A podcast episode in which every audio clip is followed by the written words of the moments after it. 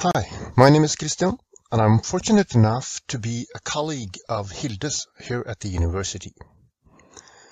I'm going to talk a bit about my research on trouble solving or conversational repair in Norwegian Sign Language multi-person conversation. I'm going to take you through why, how, and what. That is, what has been the background and the motivations of this research?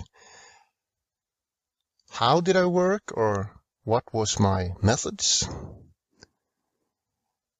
I will talk about what I found and maybe even try to convince you that one or two of these findings are actually a bit interesting. Well, I'm hearing L2 Norwegian Sign Language interpreter and a trainer. And interpreting is cool, but sometimes we just don't get it. Or rather, quite often we don't get it. Sometimes we just don't understand what is signed or what is spoken. And this is a hassle for everyone present, of course. And I have been wondering about this for a while. I mean, hearing people often are not all that accustomed to working with interpreters, and they've not yet grown tired of it, or at least they feel they shouldn't display that they are. Deaf signers, on the other hand, sometimes have a tendency to be a bit more transparent or honest about being annoyed. And of course, I've been wondering, is it so that when deaf signers are signing among themselves, everybody's just instantly understanding each other? Or is it not so much about that, but rather a problem with the ways that hearing L2 interpreters announce that they're having trouble? When an interpreter needs to halt the progress of the conversation to initiate trouble solving, they often have intentions about being discreet. And they also want to be polite and they even want to be efficient.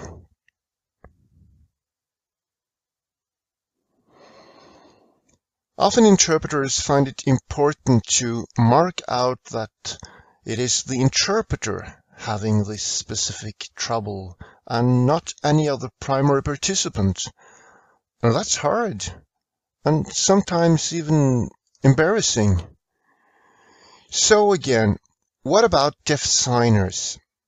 Signing among themselves. Are these conversations all smooth and flawless? And everybody just gets it? No, of course it's not like that. Can these conversations be compared with conversations among native speakers of Norwegian or English spoken language? Well, yeah, they can. Around 2015, a series of articles were published by various authors, all belonging to a large study of 12 different languages from around the world, one of them being Argentine Sign Language. The participants in these studies were all first language users who knew each other from before and it turns out these kinds of trouble-solving practices are conducted in relatively similar ways in very different languages, in different cultures, on different continents. And it happens all the time. The um, average across the data in all the languages was once every 1.4 minutes.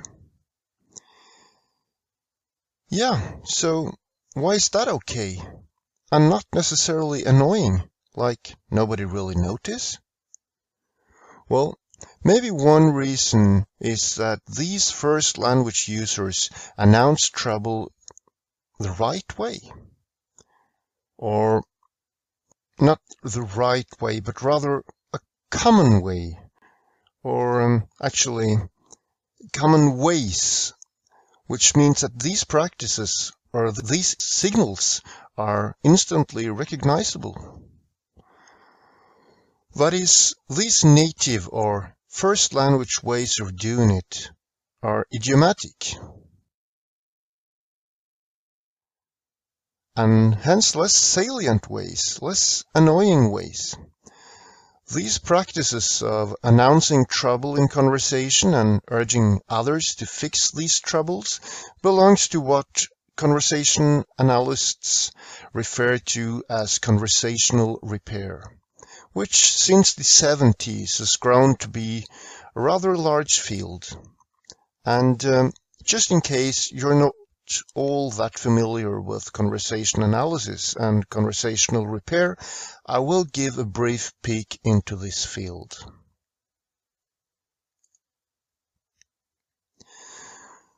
There are different kinds of conversational repair. Quite often we say something and then consider that what we just said was not optimal and then we make a self-repair without the other signaling any trouble. So the first utterance is referred to as the trouble source, and the next one is the repair, which in this case is a self-initiated self-repair. In most cases we do fix our own problematic utterances, and in many cases we do this without any hint of trouble from the other. But in other sets of cases, the other gives us some kind of signal of trouble. These are the cases when we say something and um, what we just said turns out to be some kind of trouble for the other. And then often the other produces a repair initiation. Making what we said a trouble source. This usually leads us to say what we just said again or say it in a different way or sometimes say something completely different. And that fix, that repair is an other-initiated self-repair.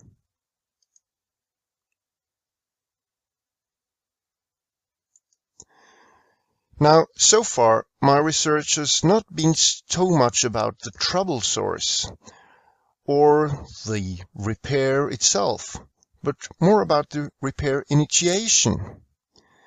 The repair initiation can be a simple, huh? Or it can be a generic question word like what? Or it can be a more explicit request for a specification, often a content question word like where, when, or who. Quite often, the other also helps out quite a bit by offering a candidate or giving a suggestion of what the other said or meant. Like when the other is suggesting, you mean like this or that or John?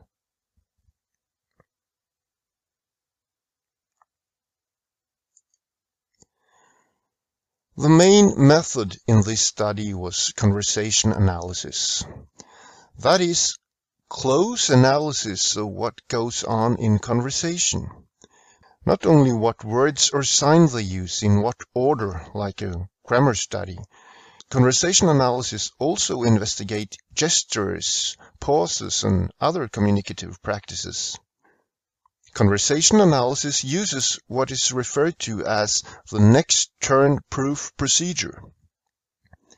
That is, it is not sufficient to look at an utterance or a turn or a sequence to determine what it is or what it does. It is in the next turn the next sequence that tells us what the conversationalists themselves treat the prior turn as. In conversation analysis, an utterance is what it is treated as.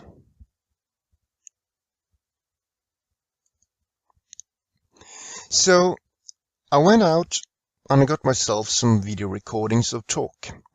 I ended up with six recordings of multi-person conversation I got consents from everyone to use and show pictures and video clips in presentations and publications. And there were three to six participants in each session. They were all deaf signers who knew each other from before. They were given no tasks or topics or questions. I just put up two cameras, started them, and left them there for about half an hour.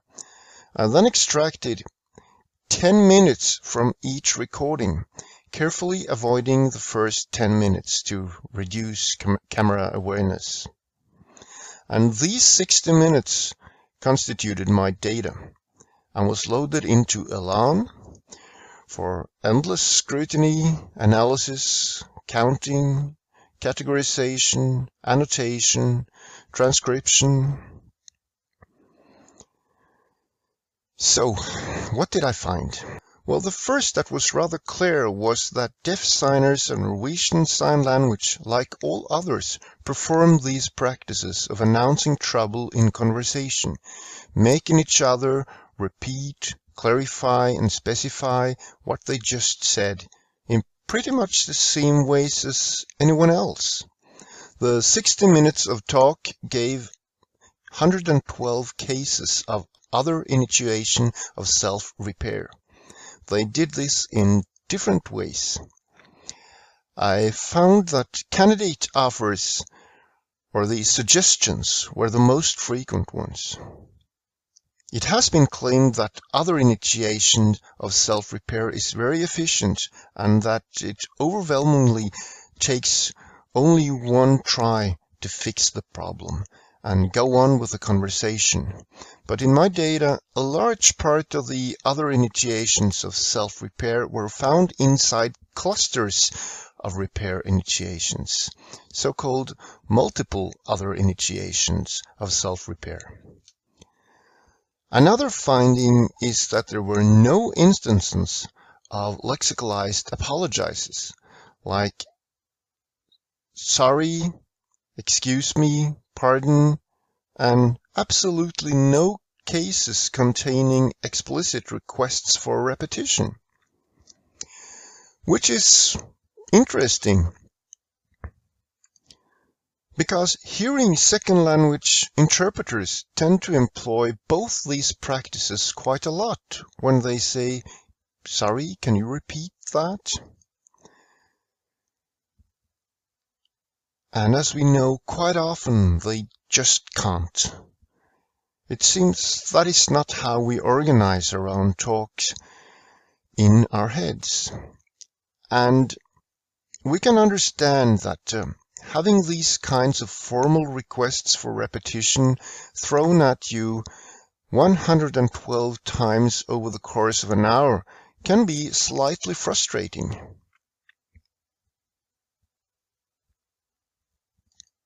But hey, interpreters do not repeatedly do this in alien ways because they're stupid. Neither do we do it because we are used to doing it this way in our spoken language. We're not. We probably do it in weird ways just because we don't know how it's done. We lack the interactional competence or the interactional awareness in both languages. No teacher ever told us how it's done. No parent told us. They only told us how they thought it's supposed to be done in a polite way. So let's have a brief and superficial look at the distribution of formats. Among the open class repair initiations, that is, those who give no clues about what was problematic in the trouble source, the non-manual ones, those with no lexical signs, were 9%. And I found only one manual what. I found a quite a pile of freeze look responses. That is when B, or the one who is supposed to respond, is keeping gaze steadily on A while doing absolutely nothing. basically acting as if A did not complete the sequence. This behavior, of course, happens all the time, and I have counted only the cases where this behavior is followed by A producing a self-repair. A repetition, altering the utterance or otherwise redoing what was just done. Totally among the repair initiations in my data, 35 or roughly a third of the cases were open class. Two-thirds or 65% of the cases were restricted. A relatively limited portion of these 9% of the total cases were the requests for specification, typically content question words like who or when. The largest group was the candidate offers. The ones where B offers a suggestion of what A just said or meant. This makes it easy for the trouble source utterer, which often only has to confirm or disconfirm.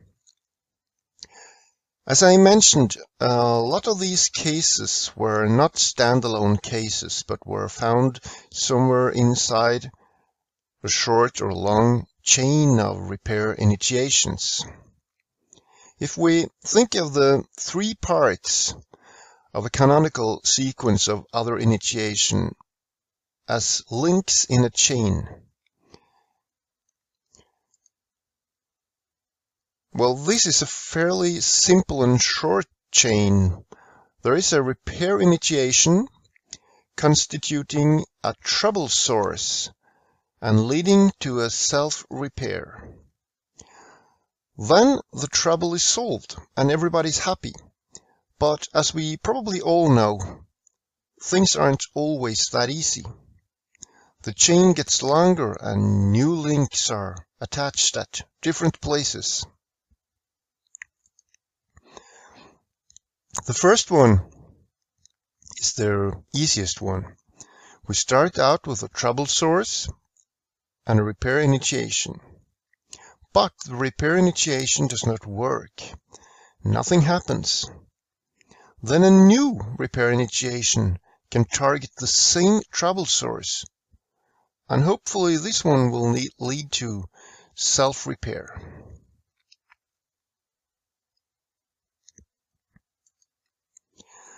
The next pattern shows the ones where there is a trouble source, a repair initiation, and there is also a self-repair. But this self-repair is insufficient, unintelligible, or for some reason failed. So it's followed by another repair initiation, targeting the prior self-repair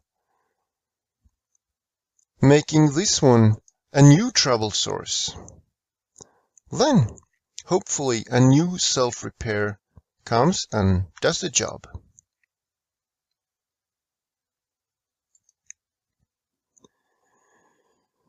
For the third and the coolest pattern, I'll start with a text example. I first wrote a made-up example, but then, just after I made it I went down to the kitchen where two of my sons were hanging out and the first thing I heard was this one. B is saying, are you going out? A is saying, yeah, to the gym.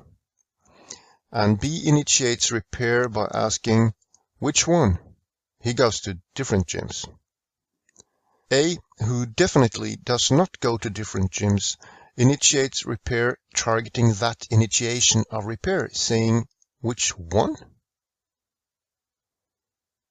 And B confirms and then expands his own repair initiation by saying, yeah, there are several. And A then produces a self-repair saying the ordinary one.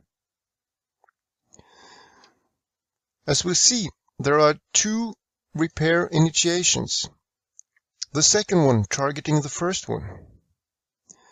There are reasons to think that there were no actual trouble of understanding here. Probably it was a matter of acceptability. But it was treated as a trouble of understanding that needed expanding to be understandable. And conversation analysis investigates conversational practices, not cognitive matters. So this third pattern, we again have a trouble source and repair initiation.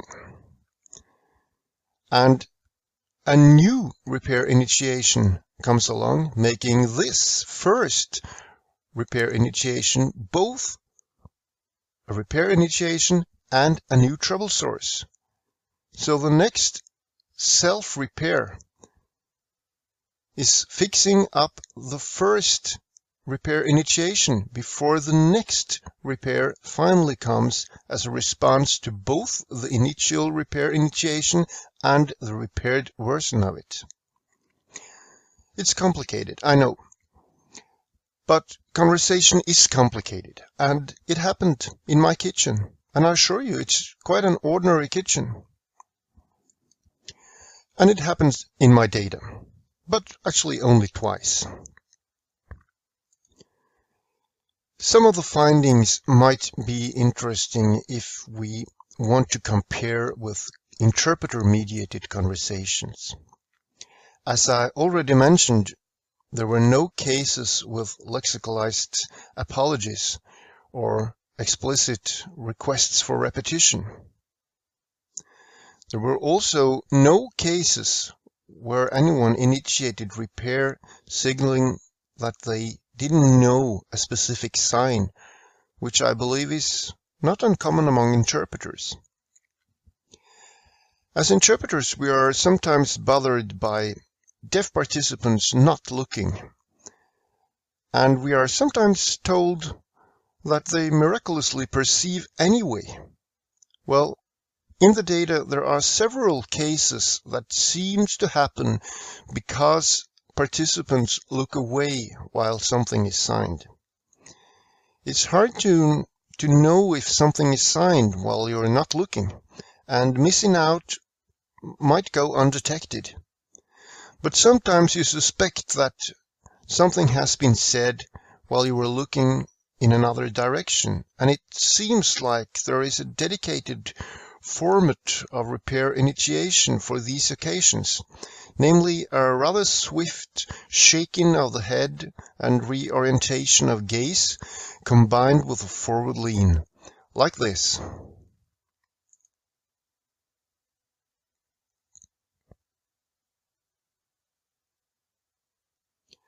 And uh, this one is a bit more discreet.